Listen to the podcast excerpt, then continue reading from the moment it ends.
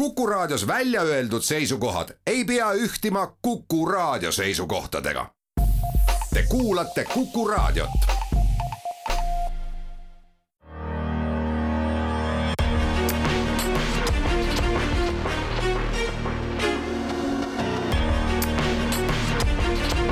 välismääraja. tere, mina olen Neeme Raud täna, kuu aega enne NATO tippkohtumist Vilniuses, uurin välisminister Margus Tsahknalt, mida võidakse seal otsustada Ukraina teemal.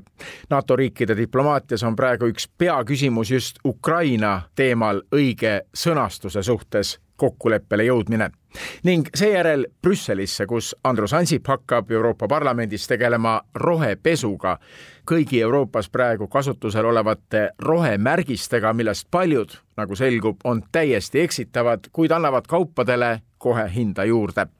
Need tänased teemad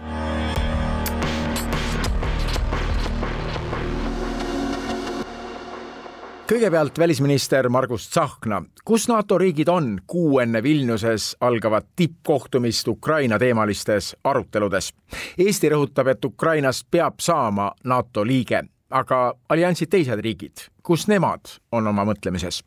Oslos toimus NATO välisministrite mitteametlik kohtumine, mis oli tõsiselt äh, selline avatud äh, arutelu ei olnud selliseid jutupunkti lugemiste kohti ja kohal olid siis kõik, kes NATO-sse kuuluvad ja ka lisaks äh, rootslased, kes olid sinna kutsutud. ja räägitigi ausalt. Eesti sõnum oli väga selge ja me läksime pigem tundmisega, et võib-olla me oleme natukene mitte üksi, aga võib-olla ütleme liiga palju ja liiga pikas perspektiivis välja. et äh, me näeme selgelt, et NATO on ainukene julgeolekugarantii, mida Ukrainale anda ja mitte ainult Ukraina peale mõeldes, vaid ka mõeldes meie regiooni julgeolekustruktuurile üldse, see arhitektuur ju muutub. Eh, lähtub sellest põhimõttest, et Venemaa naabruses ei tohi ega saagi olla enam halle tsoone. Kõige rohkem on ju ja kõige ohtlikum on olnud Venemaa naabruses olevale riigile NATO ooteruumis. see koht on väga raske.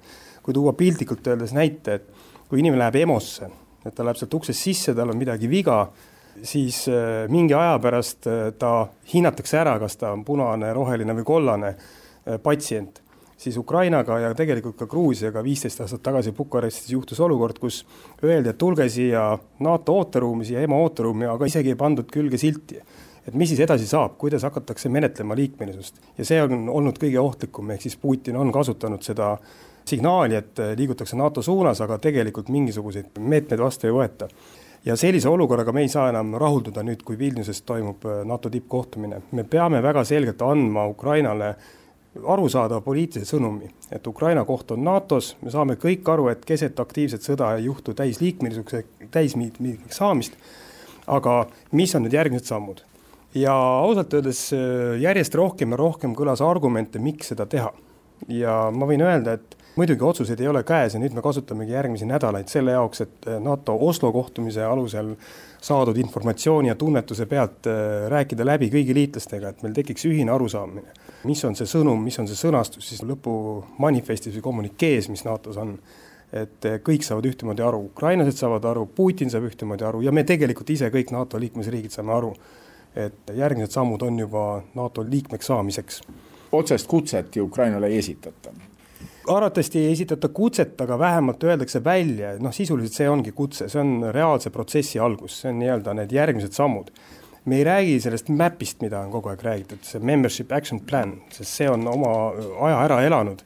mõnes mõttes Ukraina täna teeb membership action plan'i, siis map'i viib ellu päris sõjas Venemaa vastu ja väga palju ju järjest rohkem kasutatakse NATO relvastust, laskemoona ja ka doktriine ja, ja kuni välja taktikateni. et see ei ole üldse mingi teema vaid küsimus on pigem poliitiline. ma lendasin Oslost äh, ka otse siis äh, Kiievisse, lendasime Varssavisse, sõitsime tegelikult autoga sisse, me avasime vahepeal ka Žõtomõri oblastis äh, Obrutši linnas Eesti poolt ehitatud lasteaia ja sealt edasi siis kohtumisele välisminister Kulebaga. ja see jutt oli väga nii-öelda otsekohene ka ukrainlaste poolt mida nad kindlasti tahavad, on julgeolekugarantiid kuni NATO liikmeks saamiseni, tahavad järgmisi samme ja väga selget sõnumit, et nendest saab NATO liige. just nimelt Vilniuse tippkohtumised ja et need kõik kolm asja käivad koos. ja see on väga oluline aru saada ka meie poolt, nii-öelda läänemaailma poolt ja NATO liikmeste poolt, et nad võtavad seda väga tõsiselt ja kui seda sõnumit ei tule, siis mõnes mõttes on see ajalooline hetk, et me peame aru saama, me ei tohi seda momenti mööda lasta ja see on eelkõige ka meie enda huvides. et see ei ole ainult Ukraina aitamine, et see on ka meie enda julgeolekuarhitektuuri ülesehitamine, oma julgeoleku kindlustamine. ma loodan väga, et me jõuame siis järgmiste nädalate jooksul äh, ühisele arusaamisele, et juba siis Vilniuses öelda see sõnum välja kas NATO, kui NATO sisse vaadata, ikkagi lahkneb kuidagi, et on idatiival olevad riigid nagu meie ja siis teised Ukraina naabruses, lähinaabruses olevad riigid ja siis liitlased, kes on kaugemal, kes suhtuvad Ukraina perspektiividesse natuke kahtlevamalt? no USA välisminister oli kohal ja kuulas väga hoolega ja lepitigi kokku, et see Oslo arutelu on pigem oma seisukohtade väljaütlemine, nende kogumine, mille pealt saab siis tuua juba järgmisi arutelusid teha ka näiteks Valges Majas. see ei lähe, see joon üldse niimoodi, et kuskil on Balti riigid ja Poola ja kuskil on mingid teised riigid, vaid on erinevad arusaamised, erinevad argumendid eh, poolt ja vastu, aga kõik saavad ühtemoodi aru, et Ukraina peab tulema NATO-sse, nüüd on küsimus selles, et mida me Vilniuses ütleme. meie seisukoht on väga selge, et eh, kuigi sõda käib, siis me peame seda protsessi praegu alustama. eelkõige see kasvõi sellepärast, et Putin saaks aru, et tal ei ole mingit mänguruumi, mis puudutab NATO liikmelisust. me ei saa arvestada Putini soovidega ka see tammi õhkimine näitab, et ega Putin enam vahendeid ei vali kui räägitakse mingist eskalatsioonikartusest, siis ausalt öeldes, kuhu veel on võimalik eskaleerida ja sellest saadakse järjest ja järjest rohkem meie liitlaste seas aru. eskaleerida saab ju näiteks tuumajaamade õhkimise poole no ega see tammi õhkimine paneb ohtu ka tuumajaama töö eh, pikemas perspektiivis ja ma arvan, see on järjekordselt näide, et ei ole mõtet mõelda, et mida Putin mõtleb, Putin on ära otsustanud, ta läheb lõpuni välja, nüüd on küsimus, kuhu meie piiri tõmbame. praegu me peame aitama Ukrainal sõda võita, aga ka tuleviku mõttes. Ukrainast peab saama NATO liikmesriik. kui me nüüd mõtleme veel edasi, siis mingil hetkel, kui meil on vaja artikkel viite kasutada, siis Ukraina selleks ajaks on, ma arvan, üks Euroopa võimsamaid praktilise kogemusega sõjavägesid ja nende huvi on ka meid toetada, nii et see on mõlemapoolne tuleviku perspektiiv üks väide, miks Ukrainat tuleb toetada ja miks Ukraina võiks NATO-sse saada kiirendatud korras, ongi see, et Ukraina on läbinud kiirkorras väga olulise hüppe oma relvastuses, sõjajõudude ettevalmistamises, et nad on selle MEP-i juba selle sõjaga läbinud. Absoluutselt, Ukraina on täna ainukene riik, kes sõdib reaalselt ja päris edukalt Venemaaga ja üks NATO loomise alusmõtteid oli ju tagada ka Eh, nii-öelda saabunud külma sõja valguses ka sõjaline julgeolek meie regioonile. ehk siis nemad on päriselt eh, üks riike, kes tänapäevase Venemaaga, keda peeti ka sõjaliselt suurvõimuks, sõjapidamine, ta kasutab järjest rohkem meie relvastust, ta kasutab eh, kõige rohkem, järjest rohkem NATO doktriine, nii et selle sõjalise poole üle ei ole küll midagi vaielda. küsimus on poliitilises otsuses, ma loodan, et see otsus tuleb. ja riikide seisukohad näib, on muutumas, mis on president Macroni seisukoht praegu, ta just esines Bratislavas kõnega, kus püüdis NATO idatiiva riikidele öelda, et ta on meie seisukohtadega nõus, Ukraina sõda tuleb võita ja nii edasi ja nii edasi. see oli selline kõne, kus nagu Prantsuse meedia, rahvusvaheline meedia ütles, ta püüdiski meile kuidagi silma teha, et, et ma olen teiega no kui me vaatame nüüd viimase aasta jooksul toimunud protsessi, eelkõige poliitiliselt ja läänemaailmas siis me oleme jõudnud juba väga kaugele, aga see pole piisav veel. ehk siis ka suuremate riikide seisukohad on muutumas, kuna olukord on järjest tõsisem. me räägime Prantsusmaa, Saksamaa, USA, Suurbritannia välisminister oli Eestis vahetult ennem äh, Oslo kohtumist, me lendasime sinna koos ja need vestlused ka nelja silma all olid ikka väga julgustavad, ehk siis me oleme küll olnud oma välispoliitikaga jällegi natuke ajast ees ja võib-olla natuke ebamugavas kohas, kus me ei ole harjunud olema, et me räägime asjadest mida veel ei ole kätte jõudnud, aga meid täna kuulatakse. kui me paneme paika argumendid, kui me selgitame, selgitame, siis järjest rohkem tuleb juurde neid riike, kes eh, ei ole mitte nende seisukohtade vastu olnud, aga neile jõuavad need asjad kohale. ja teine pool on, mis on hästi tähtis tänapäeva poliitikas globaalselt, kommunikeerida avalikult oma seisukohti, et väga palju ikkagi mõjutavad ka riigi, riikide liidrite seisukohti, mida nende inimesed arvavad väga raske on äh, praegu tavakodanikul maailmas või Euroopas aru saada sellest, et miks me ei toeta rohkem Ukrainat, miks me ei aita neil sõda võita lõpuni, miks me ei võta neid klubisse, ehk siis miks me ei võta neid NATO-sse, miks me ei võta neid Euroopa Liitu. seal ei olegi tegelikult mingisuguseid äh, arusaadavaid põhjuseid. Need on keerulised protsessid, kõik saavad aru, meie roll eestlastena ongi selgitada, et me oleme ise selle protsessi läbi käinud küll rahuajal, aga me teame, mis see tähendab, see on võimalik. Seetõttu tulebki rääkida nii avalikult kui ka just nimelt läbirääkimiste käigus erinevatest argumentidest. üks oluline argument näiteks, mida ma tõstsin ka kohtumisel äh, USA välisminister Blinkeniga, oli ka see, et me kõik planeerime globaalset Ukraina ülesehitamise protsessi. me saame aru, et selle protsessi jaoks ei piisa ju ainult äh, maksumaksjate rahast, ehk siis avalikest äh, suurtest programmidest, vaid päris ülesehitamisprotsess ja Ukraina õitsengule tõusmine tõuseb siis, kui erasektor globaalselt hakkab otsustama sinna investeerida. selle eelduseks on ikkagi, et on äh, julgeolekugarantiid, on kindlustunne, et uuesti ei juhtu sõda ja selleks on olemas ainukene viis ja kindel sõnum on NATO liikmelisus. ka sellised argumendid lisaks kõigele muule on olulised, kui nendest räägitakse. Eesti on väga tugev Ukraina eest kõneleja, kas meil on tekkinud selline riikide kooslus, näiteks Läti, Leedu ja, ja Poola, kes veel on Ukraina teemadega tugevalt tegelemas, kes me räägime ühel häälel praegu? tõepoolest juba ajalooliselt Balti riigid, Poola räägib praktiliselt kõikides küsimustes ühehäälselt, aga neid riike on ju veel muidugi eriti idatiiva riigid, kellel on reaalne tunnetus ja oht Venemaa poolt olnud ja ka täna on jätkuvalt. Samal ajal jällegi Soome ja Rootsi liitumine NATO-ga on andnud ka Põhjamaadele natuke teise rakursi ja nägemise võib öelda, et ka hoopistükkis äh, lõuna, lõunapoolsemad riigid on väga-väga toetavad, kui vaadata, mida Hispaania välja ütleb ja, ja need riigid, et selles mõttes siin ei ole lihtsalt äh, valemit, et kuskil Venemaa piiriäärsed olevad riigid on nagu rohkem aktiivsed ja teised mitte. on lihtsalt erinevad poliitilised kaalutlused ja võib-olla erinevad hirmud, äh, mida kardetakse, millest tahetakse hoiduda kindlasti, on see, et NATO ise satuks keset sõjalist konflikti organisatsioonina, see on isegi arusaadav, kuna NATO on ikkagi kaitseorganisatsioon. kuid kui te vaatate, kui palju annavad kõik riigid ka bilateraalset otsetoetust sõjaliselt ja milline mastaap on tekkinud ja järjest rohkem antakse võimsamaid ja suuremaid ja, ja, ja võimekamaid relvi, noh, mõned kuud tagasi veel vaieldi lootusetult selle üle, et antakse hävitajaid, on ju F kuusteist otsus tuli G7 formaadis USA poolt, et me liigume kogu aeg edasi aga samal ajal Ukraina poolt vaadatuna tundub see, et see ei ole piisava tempoga, mis ongi arusaadav, et nad maksavad iga päev ju äh, sadades inimestes äh, seda hinda, on ju, seal lahinguplatsil. aga maailm ei ole enam sama, see on jumala selge. ja nüüd meie asi siin ka idablokis on teadvustada, et äh, ma ei tahaks sõna kasutada idablokk, see kõlab halvasti, aga piiririikidena täna me investeerime, kui me, kui me kutsume Ukraina ka NATO liikmes, liikmeks enda stabiilsusesse me maksame kolm protsenti eestlastena riigikaitsesse juba järgmine aasta. tegelikult me ju tahaksime seda raha maksta mitte kaitsesse, vaid hoopistükkis kas haridusse või lastesse või, või sotsiaaltoetustesse.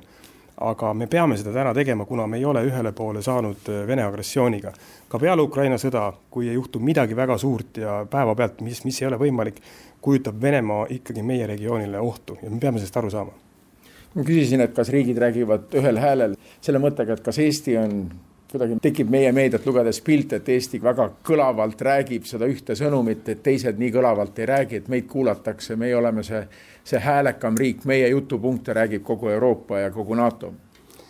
No eks me ise ju kuuleme ikkagi tavaliselt, mida me ise räägime, et ka teised räägivad ja Balti riigid räägivad ja Poola räägib väga tugevalt ja aga võib-olla me tõepoolest oleme väga selge sõnumiga olnud, et meil on eh, väga selge poliitika, see on nii-öelda täie rauaga muuta seda julgeolekustruktuuri, mis ei töötanud tegelikult Euroopa rahu tagamisel, ma ei räägi küll mitte NATO liikmesriike, vaid ikkagi kohe meie külje all on täiemõõduline sõda käimas.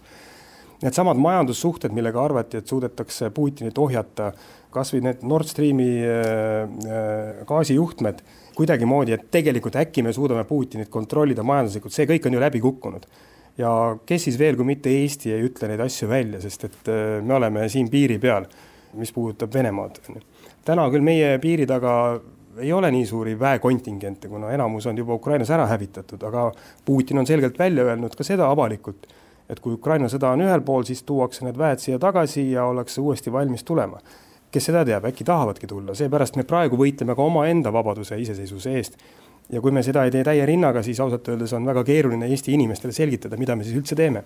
kas NATO-s seal Oslo kohtumisel on ka neid, kes ütlevad või mõtlevad, kui otsa vaadata, et no teie väike riik seal piiri peal, Te räägite oma hirmudest väga kõval häälel, aga mõelge ka oma kaalule, et te oletegi väike riik, et ärge hüpake kõrgemale, kui te olete. no see aeg on praegu õnneks möödas, et äh, ka mina ise olen kogenud oma naha peal seda, kui me mõned aastad tagasi või ütleme siin, tea, viisteist, kuusteist aastat tagasi rääkisime äh, Venemaast kui reaalsest ohust, siis noh, tihti meid kutsutigi vaikselt hüsteerilisteks Balti poliitikutest, kes tahavad lihtsalt endale rohkem relvi siia saada ja kardavad tohutult täna saavad kõik aru, et Eesti ja Balti riigid, me ei karda tegelikult Venemaad, me oleme harjunud siin elama juba ma ei tea, mitu tuhat aastat. me lihtsalt teame ja meil on olnud kahjuks õigus. nüüd meie ei tohi sellest ka nagu minna väga nagu õhku täis, vaid me ju tunneme täna ka oma partnereid, me ju saame aru, millised äh, tagamaad on ühel või teisel riigil, miks nad ei kiirusta otsustega. et me lihtsalt käime ja selgitame, aga meie sõna võetakse täna tõsiselt meie sõna võtavad ukrainlased hästi tõsiselt, kuna me peame otseselt nendega nõu ja anname neile nõu ja võtame nendelt ka adekvaatset infot äh, iga päev sisse. väga palju räägitakse ju sellest, et aga meil on äkki mingi muu äh, rahuplaan kellelgi kuskil. No väga selgelt jälle Kuleba ütles üle, et neil on üks väga selge rahuplaan, see on president Zelenskõi rahuplaan, mis eelmine aasta välja käidi, siin ei ole muutusi et tihti üritatakse ka rääkida, et vaadake, et ukrainlased äkki mõtlevad hoopis midagi muud. ei, ja me oleme väga tihti ka oma liitlastele tegelikult ukrainlaste sõnumi toojad. lisaks ukrainlaste otsekontaktidele eh, meid usaldatakse, et selles mõttes on tänane olukord eh, oluliselt parem. Aga me peame olema targad, et me lihtsalt ei, ei mõtle, et nüüd me oleme hästi tähtsad, vaid me tegelikult teeme võib-olla ajaloolist tööd kogu regiooni jaoks. kas Rootsi on Vilniuse tippkohtumise ajaks NATO liige? ka Oslo kohtumisel kõik ütlesid väga selgelt välja ja, ja mida türklased ütlesid, nad olid ju ka seal? Türklased ütlesid, noh, nad on kogu aeg rääkinud ju laias laastus sama, ega ma ei, ma ei hakka ütlema, mida seal ruumis täpselt öeldi, aga mõte on ju sama, et nemad ei ole ju Rootsi NATO liikmelisuse vastu. et äh, nad näevad väga selgelt, kuidas Rootsi liitumine NATO-ga tugevdab NATO-t ja meie regiooni julgeolekut, aga ja siis tulevad need küsimused, mis puudutavad siis äh, nii-öelda Türgi poliitilisi nõudmisi. Rootsi on küll vastu võtnud äh, nii-öelda terrorismivastase võitluse seaduse muudatused, mis on olnud dialoogis siis Türgiga arutluse all. no ma väga loodan, et enne Vilniust nüüd peale valimisi ka, mis on toimunud Türgis, kus Erdogan sai järjekordselt endale presidendi mandaadi kätte, et see lahendatakse ära. liitlaste surve eesotsas Ameerika Ühendriikidele on Türgi suhtes väga, väga kõva mida sellistel kohtumistel, mitteametlikel kohtumistel, kui ausalt räägitakse asjadest, räägitakse Venemaast praegu. Venemaa ei kao ju ka kaardilt ära, ta võib küll sõja kaotada, mida me loodame, aga ta jääb alles. Venemaa jääb alles, mingeid illusioone, et äh, nüüd äkki Putin muutub või režiim muutub järsku teistsuguseks. Venemaa laguneb no Venemaa lagunemise võimalused on ju teoreetiliselt ju olemas, ega sellised väga karmid režiimid, kus demokraatia on välja lülitatud ja mis on väga agressiivsed, nende murdumine võib tulla väga kiiresti. et kindlasti ei ole keegi huvitatud, ka Eesti kaasa arvatud, tohutust segadusest Venemaal. me ju ei kujuta ette, mis seal päriselt siis juhtuma hakkaks aga ilmselgelt ei ole see asi, mida karta, vaid me peame aru saama, et Putini režiim on juba kõike näidanud. inimsusevastasest kuritegudest kuni agressioonini, laste küüditamised, üheksateist tuhat last on kuskil müügiks Venemaal, see noh, kuhu veel edasi, siin ei ole kohta teha nagu kokkulepet, et, et, et, et, et nii-öelda Vene poolt vaadatuna, no see, see ei ole võimalik, kõik saavad aru ega ei ole ju lõplikku teadmist, mis siis saab, aga on teada, kelle eest me peame seisma koos ukrainlastega, milliste väärtuste eest. väga selge on see, et tõmmata siis see punane joon, kuidas iganes nimetatakse väärtuste järgi, et äh, Venemaa on ühel pool, meie teisel pool. aga Venemaa tuleb rahvusvahelisse ellu ju tagasi pärast seda sõda, mingil kujul. No eks ta on ka täna seal, kuigi ta on väga isoleeritud. ütleme läänemaailma ellu tagasi, praegu ta on läänemaailma poolt isoleeritud, kui vaadata lõunariike, globaalse lõunariike, siis seal on Venemaa veel täiesti hea partner ju. Seda küll, aga on ka väga palju räägitud Aafrika riikide, Ladina-Ameerika riikidega, ega tegelikult saadakse aru, mis toimub. Äh, küsimus on võib-olla rohkem praktilisem ja majanduslikum. Ukraina võimekus näiteks vilja ekspordi mõttes ka Aafrikasse on ikkagi väga suur, ka Ukraina võib asendada Venemaad. Äh, väärtuste küsimustes ja globaalses mõttes saavad väga paljud või enamus äh, need nii-öelda globaalsed, globaalse lõunariigid aru, mis on toimumas ja siin väga palju sõltub, kui palju me hoiame seljad koos just nimelt väärtuste põhjal Ameerika Ühendriikidega, kuidasmoodi see maailm pärast välja näeb ja ega Hiina samamoodi vaatab praegu ettevaatlikult. ei lähe kiirustama nüüd järgmiste sammudega, et toetada Putinit, ka Hiina ei ole huvitatud täiesti üksi jääma. Nii et selle sõja järgne maailm saab olema, ma arvan, teistsugune ja Venemaa roll saab olema seal paratamatult oluliselt väiksem, kui see oli neil ennem. meie huvi on muidugi demokraatlik Venemaa, kes võiks oma inimestele anda paremat elu ja olla meie kõigiga kaubanduslikes suhetes, aga ma ei näe seda lähiperspektiivis võimalik. ja lõpetuseks tuleme tagasi veel Vilniuse juurde ja Ukraina juurde. Ukraina suhtes üle korrates lõplikku sõnastust ei ole, mis siis lõppdokumentides, Vilniuse lõppdokumentides hakkab kõlama? arutelud praegu reaalselt käivad sõnastuse üle.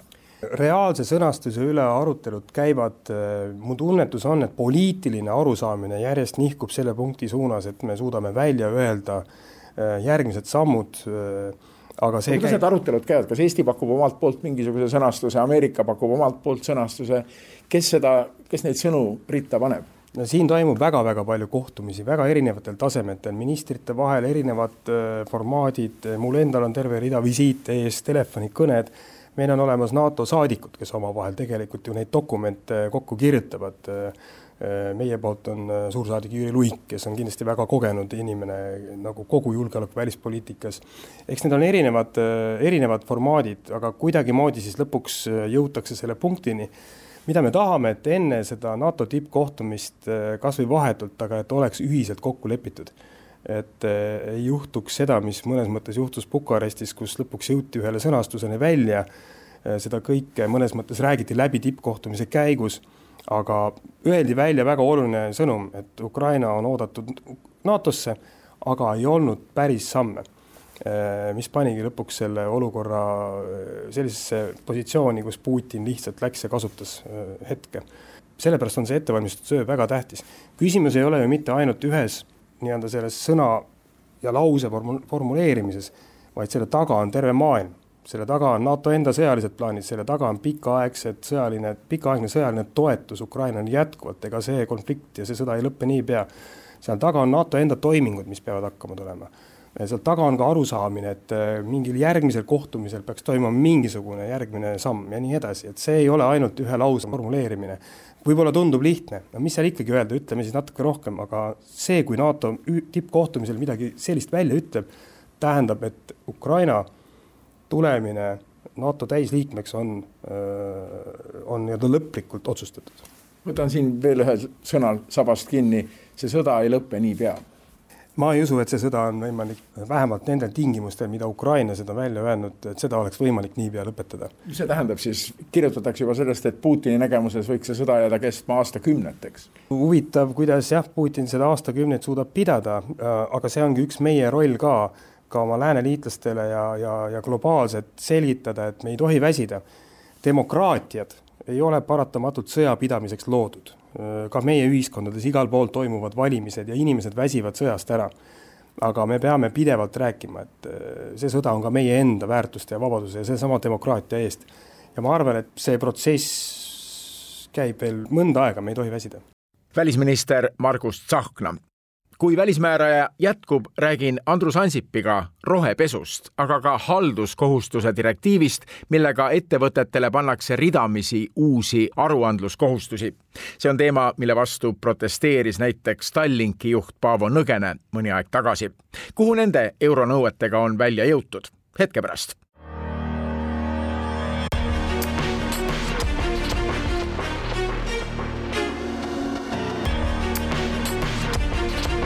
välismääraja. jätkame saadet Brüsselist. Euroopa Parlamendi saadiku Andrus Ansipiga rääkisime päeval, kui parlament hääletas halduskohustuse direktiivi üle, millega ettevõtetele pannakse ridamisi uusi aruandluskohustusi. See on teema, mille vastu protesteeris mõni aeg tagasi Tallinki juht Paavo Nõgene, et ettevõtted ei suuda lihtsalt kõige sellega tegelema hakata jah, see eh, halduskohustuse direktiiv ehk eh, corporate sustainability due diligence, diligence directive, et, et see on just see, mis eh, mõnede Eesti ettevõtjate arvates on ülemääraselt suure halduskoormusega ja millega üleüldse ei peaks tegelema. tegelikult probleem on olemas. me ju kõik mäletame, kuidas meie põhjanaabrite suur kütusefirma Neste tahtis olla äh, väga keskkonnasõbralik, neutraalne, tahtsid, äh, keskkonnaneutraalne, tahtsid, äh, tollal oli see moes siis, et, et mitte kasutada fossiilseid kütuseid, vaid segada siis diiselkütusesse sisse ka midagi looduslikku, mingit looduslikku komponenti.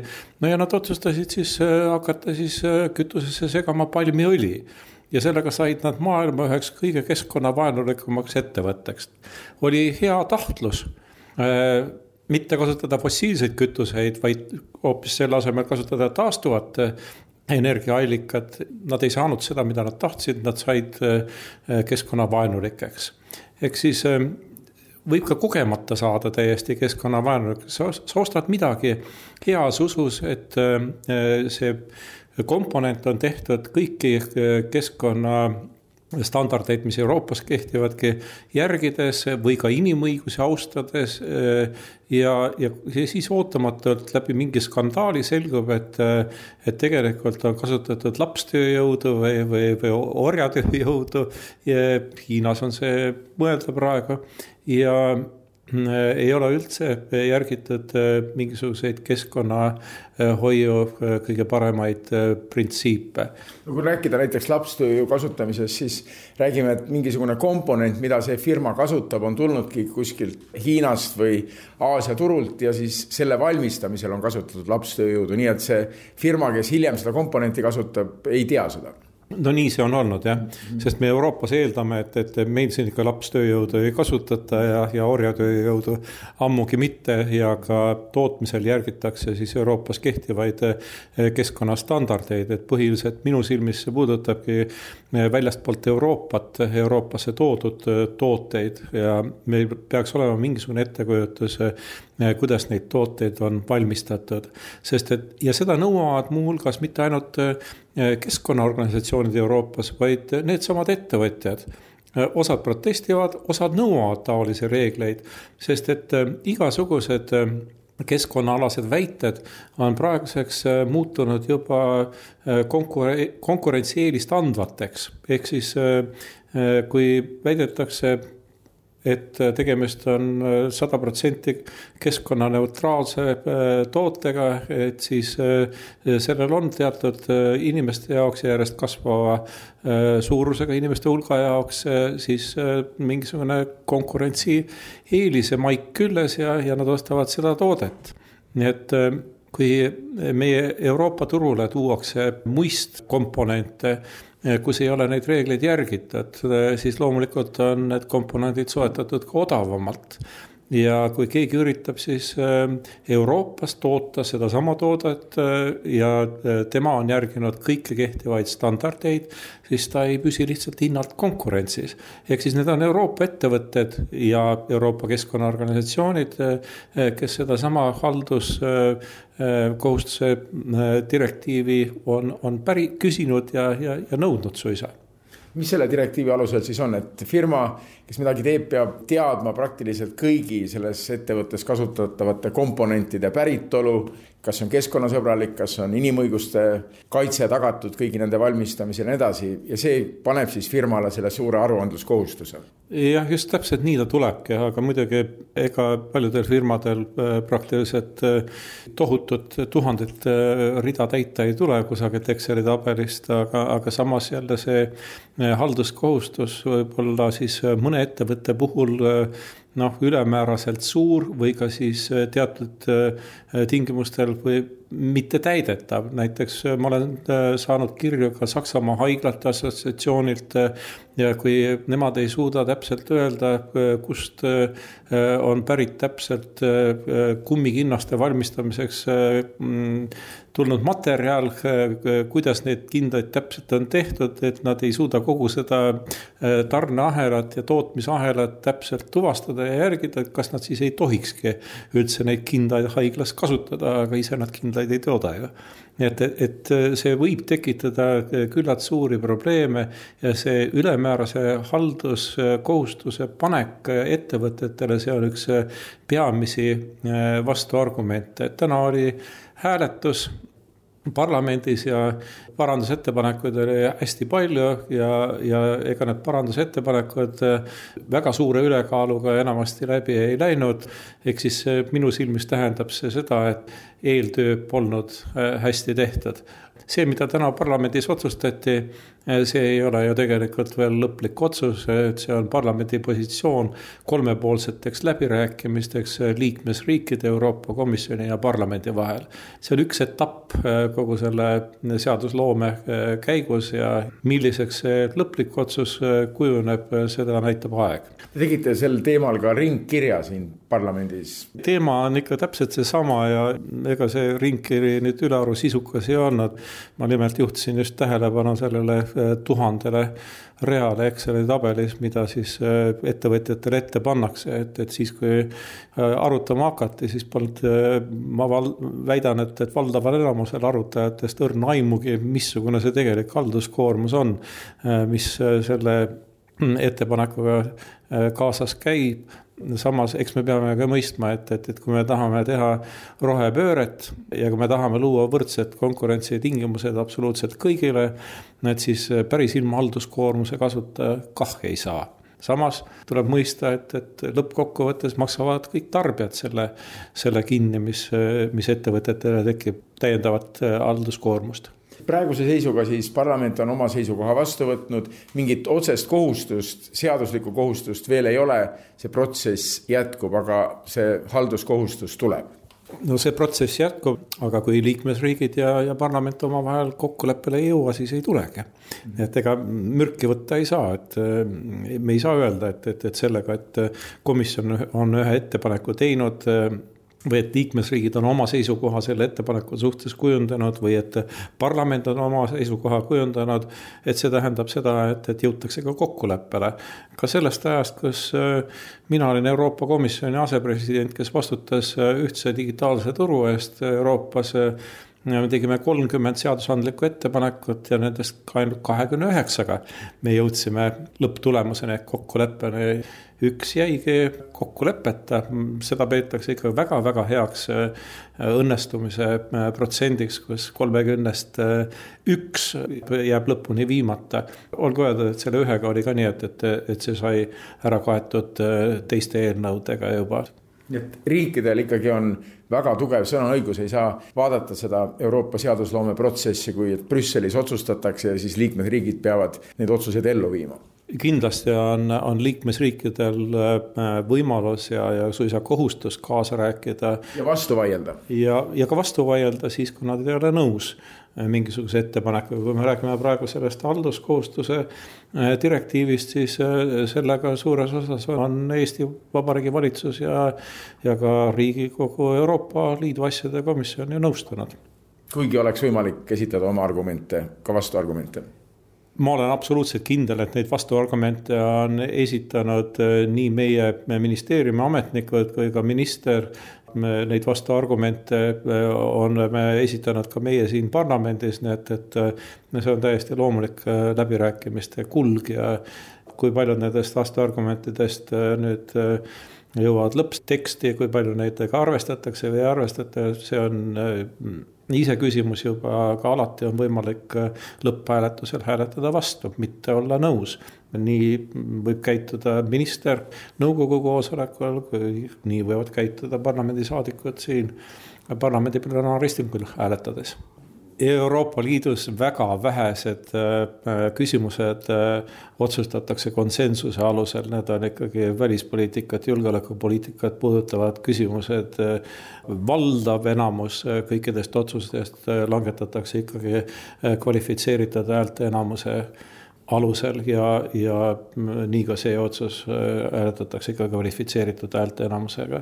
et siin absoluutset konsensust vaja ei ole aga tavaliselt ikkagi need äh, kokkulepped, need äh, sünnivad sellistena, et, et nad on äh, vastuvõetavad kõigile osapooltele. Andrus Ansipiga jätkame mõne hetke pärast ja siis räägime rohepesust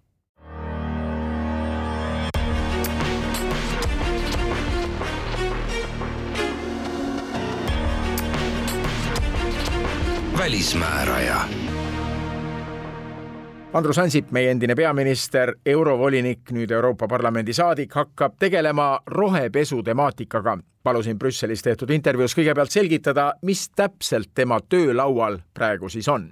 Nende roheväidetega no me kõik oleme kuulnud igasuguseid väiteid või, või ka näinud äh, mitmeid äh, silte, mis kõnelevad sellest, et toode on kliim, kliimaneutraalne või, või süsinikuneutraalne või sada protsenti äh, süsinikdioksiidist on kompenseeritud ja, ja, ja nii edasi. Aga paraku on reaalsus selline, et tarbijad tavaliselt, kui nad usuvad neid väiteid, siis üle viiekümne protsendi juhtudel nad saavad petta Euroopas on praegu olemas ähm, kakssada kolmkümmend äh, rohemärgist äh, selle Euroopa Komisjoni ettepaneku järgi, aga ma arvan, et praeguseks on neid veelgi rohkem siginenud juba. ja uuringute järgi viiskümmend kolm protsenti nendest märgistest on olnud eksitavad. eksitavad selles mõttes, et äh, väidetu ei ole kontrollitav, ta ei ole äh, teaduslikult tõestatav äh, või siis äh, väide puudutab lihtsalt ühte toote või teenuse aspekti, aga väidet esitatakse kogu selle teenuse või või, või toote kui terviku iseloomustamiseks ja kui inimesed seda kõike usuvad, siis, siis loomulikult, kui ühte toodet toodetakse keskkonnasõbralikult ta on keskkonnaneutraalne, süsinikuneutraalne või et sada protsenti süsinikdioksiidi emissioonist on, on kompenseeritud, no siis äh, neid keskkonnateadlikke inimesi on küllalt, kes oma otsuse võrdse hinna puhul langetavad loomulikult keskkonnasõbralikuma toote kasuks. ja saavad petta isegi mitte vahel, vaid, vaid iga teine saab petta. et äh, see ei ole päris normaalne olukord. samas äh, ei ole üle Euroopa ka mingisugust ühtset lähenemist. me ei saa ju kindlad olla selles, et üks ja sama väide, no kasvõi võtame sedasama keskkonnaneutraalsuse, et see tähendab Rootsis sedasama, mida ta tähendab näiteks Kreekas. et selliseid reegleid praktiliselt ei ole. et need väited või, või need keskkonna märgised, mis on üle-euroopaliselt kuidagi reguleeritud, näiteks Euroopa Liidu ökomärgis või, või mahetoidu logo. et need on üldiselt usaldusväärsed ja nad on kontrollitavad ja, ja seal tavaliselt mingisugust noh, niisugust sohi tegemist üldjuhul ei ole. aga need kakssada kolmkümmend äh, märgist, äh, mis üle Euroopa Liidu erinevates liikmesriikides kasutusel on, et nendega on lood märksa keerulisemad. ja nüüd jälle, see on äh, kellelegi konkurentsieelise küsimus ja, ja ka ebaausa konkurentsieelise küsimus, kui ta kasutab mingisugust rohelist väidet ja samas äh, tema toode ei ole äh, mitte mingisuguses suhtes selle, selle väitega, ehk siis väidetakse valet selleks, et saada siis konkurentsieelis. samas teised tõepoolest toodavad süsinikdioksiidi neutraalset midagi ja nende kulutused on suuremad ja nemad oma tootega turule ei pääse, et, et küsimus on ebaausas konkurentsis. probleemi definitsioonis tegelikult erimeelsusi väga ei ole. et kõik saavad aru, et, et rohepesu on praegu ikkagi midagi, mis reaalselt toimib seesama viiskümmend protsenti väidetest on, on tegelikult eksitavad. defineerime siis rohepesu ka ära neile, kes põhimõtteliselt arvavad, et nad saavad aru, mis see tähendab, aga rohepesu on siis petmine roheteemadega. Jah, põhimõtteliselt püütakse väita, et, et tegemist on keskkonnasõbraliku tootmisega, aga tegelikkuses äh, väide ei ole tõene, väide ei pruugi olla kontrollitav. Äh, väide käib ainult ühe aspekti kohta tootes või teenuses, äh, aga sellega püüakse siis müüa koguses seda toodet või, või, või teenust. et rohepesu on, on midagi niisugust, mida järjest laiem ja laiemini, laiemalt kasutatakse Euroopas. Ja, ja sellele peab kuidagi vastu hakkama, et äh, jälle keskkonnaorganisatsioonid tahaksid, et meil oleks mingisugune noh, harmoniseeritud reeglistik üle Euroopa. ettevõtjad tahavad, et meil oleks äh, võrdsed konkurentsitingimused Euroopas, et keegi ei saaks ehtida ennast võõraste sulgedega, valetada ennast ilusamaks, kui ta tegelikult on. ja see nõudlus äh, selle uue roheväidete direktiivi järele on, on päris tugev. Et see probleemi definitsioon või, või defineerimine seal selles osas erimeelsusi ei ole aga kui me nüüd läheme sinna sisusse, et, et, et mida peaks tegema selleks, et, et keegi ei saaks enam äh, oma rohemärgistega petta tarbijat. kui me läheme selleni, et, et, et mis see kõik maksma läheb, siis, siis asjad lähevad ka üksjagu, jagu segaseks, et, et see äh, nüüd äh, hirmus lihtne, lihtne ei ole. et üksmeel on absoluutselt kõigil selles, et roheväidete direktiiv, et, et see peab kehtima kõikide toodete kohta, mida Euroopa Liidus äh, turustatakse. Äh, sõltumata sellest, kas ta on toodetud Euroopa Liidus sees või väljaspool Euroopa Liitu. ja põhiliselt jälle, ega mure on ikkagi rohkem äh, nende toodete või toodete komponentide osas, mis tuuakse Euroopa Liitu sisse kolmandatest riikidest. samas Euroopa Liidus on olemas juba mingisugused äh, märgised, nagu ma enne nimetasin ka Euroopa Liidu ökomärgis ja, ja, ja mahetoidu logo, mis on, äh, mis on julgustanud siis äh, erinevaid osapooli siis küsima üldisemat ja, ja, ja, ja kõikehõlmavamat reeglistikku, tekitada need võrdsed konkurentsitingimused, et see ei ole mitte midagi täiesti uut praegu vaid et äh, see põhineb siis juba töötavatel äh, mudelitel Euroopas, mida tahendatakse siis äh, laiendada ka no nendele kahesaja kolmekümnele, mille üle mitte mingit kontrolli ei ole. ja lisaks kõigile nendele, mis veel võivad tekkida. mida siis konkreetselt teie hakkate nüüd tegema ja mis selle seadusloome lõplik tulem peaks olema? no see lõplik tulemus. vähendada nende märkide arvu ei, see minu eesmärk kindlasti ei saa olla ja ma arvan, et, et ka see direktiivi eelnõu siis näeb ette seda, et, et ka seni äh, loodud märgid ja tunnustatud märgid peaksid ka tulevikus kehtima jääma.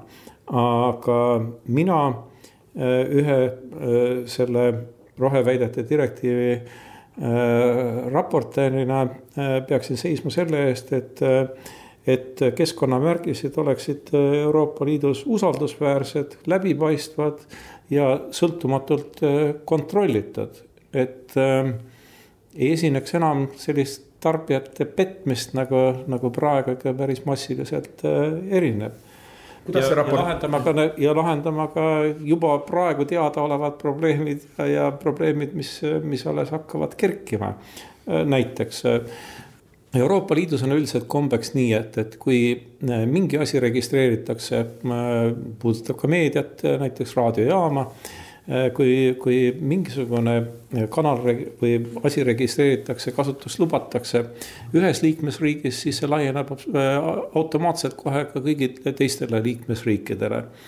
nüüd on, on küsimus siis küsimus siis roheväidete kontrollimise asutustes või, või kes neid registreerima hakkab, et kas äh, hakkab jälle tulema mingisugune liikmesriikide äh, shopping, et äh, valitakse siis kõige odavam ja võib-olla mitte kõige kvaliteetsem välja, et, et noh, see teema, temaatika on oluline põhimõtteliselt äh, raportöör on, on pliiatsihoidja, et äh, raporteid Euroopa Parlamendis tehakse väga erinevaid ja, ja Indrek Tarand kunagi oli meil pea maailmameister raportite tegemises Euroopa Parlamendis, korraga tuli kuuskümmend äh, tema raportit arutusele, et, et kui sa teed ettepaneku, siis ma ei tea, keelelise võrdõiguslikkuse ameti aastaaruanne kinnitada, et, et siis äh, siis kõik hääletavad poolt ja raport tehtud, eks, või, või siis äh, demokraatia olukorrast kurru nurru,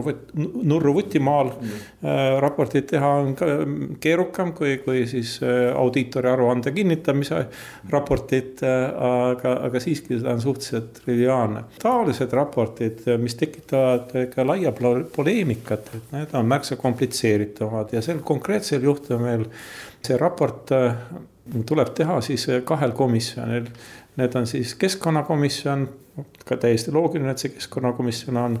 ja siis siseturukomisjon ja mina olen siis siseturukomisjoni poolt määratud äh, raportööriks. muide, see ei ole veel lõplikult kinnitatud. Andrus Ansip, Euroopa Parlamendi saadik, rääkis välismääraja on tänaseks kuulatud, mina olen Neeme Raud, kena varasuvise pühapäeva jätku.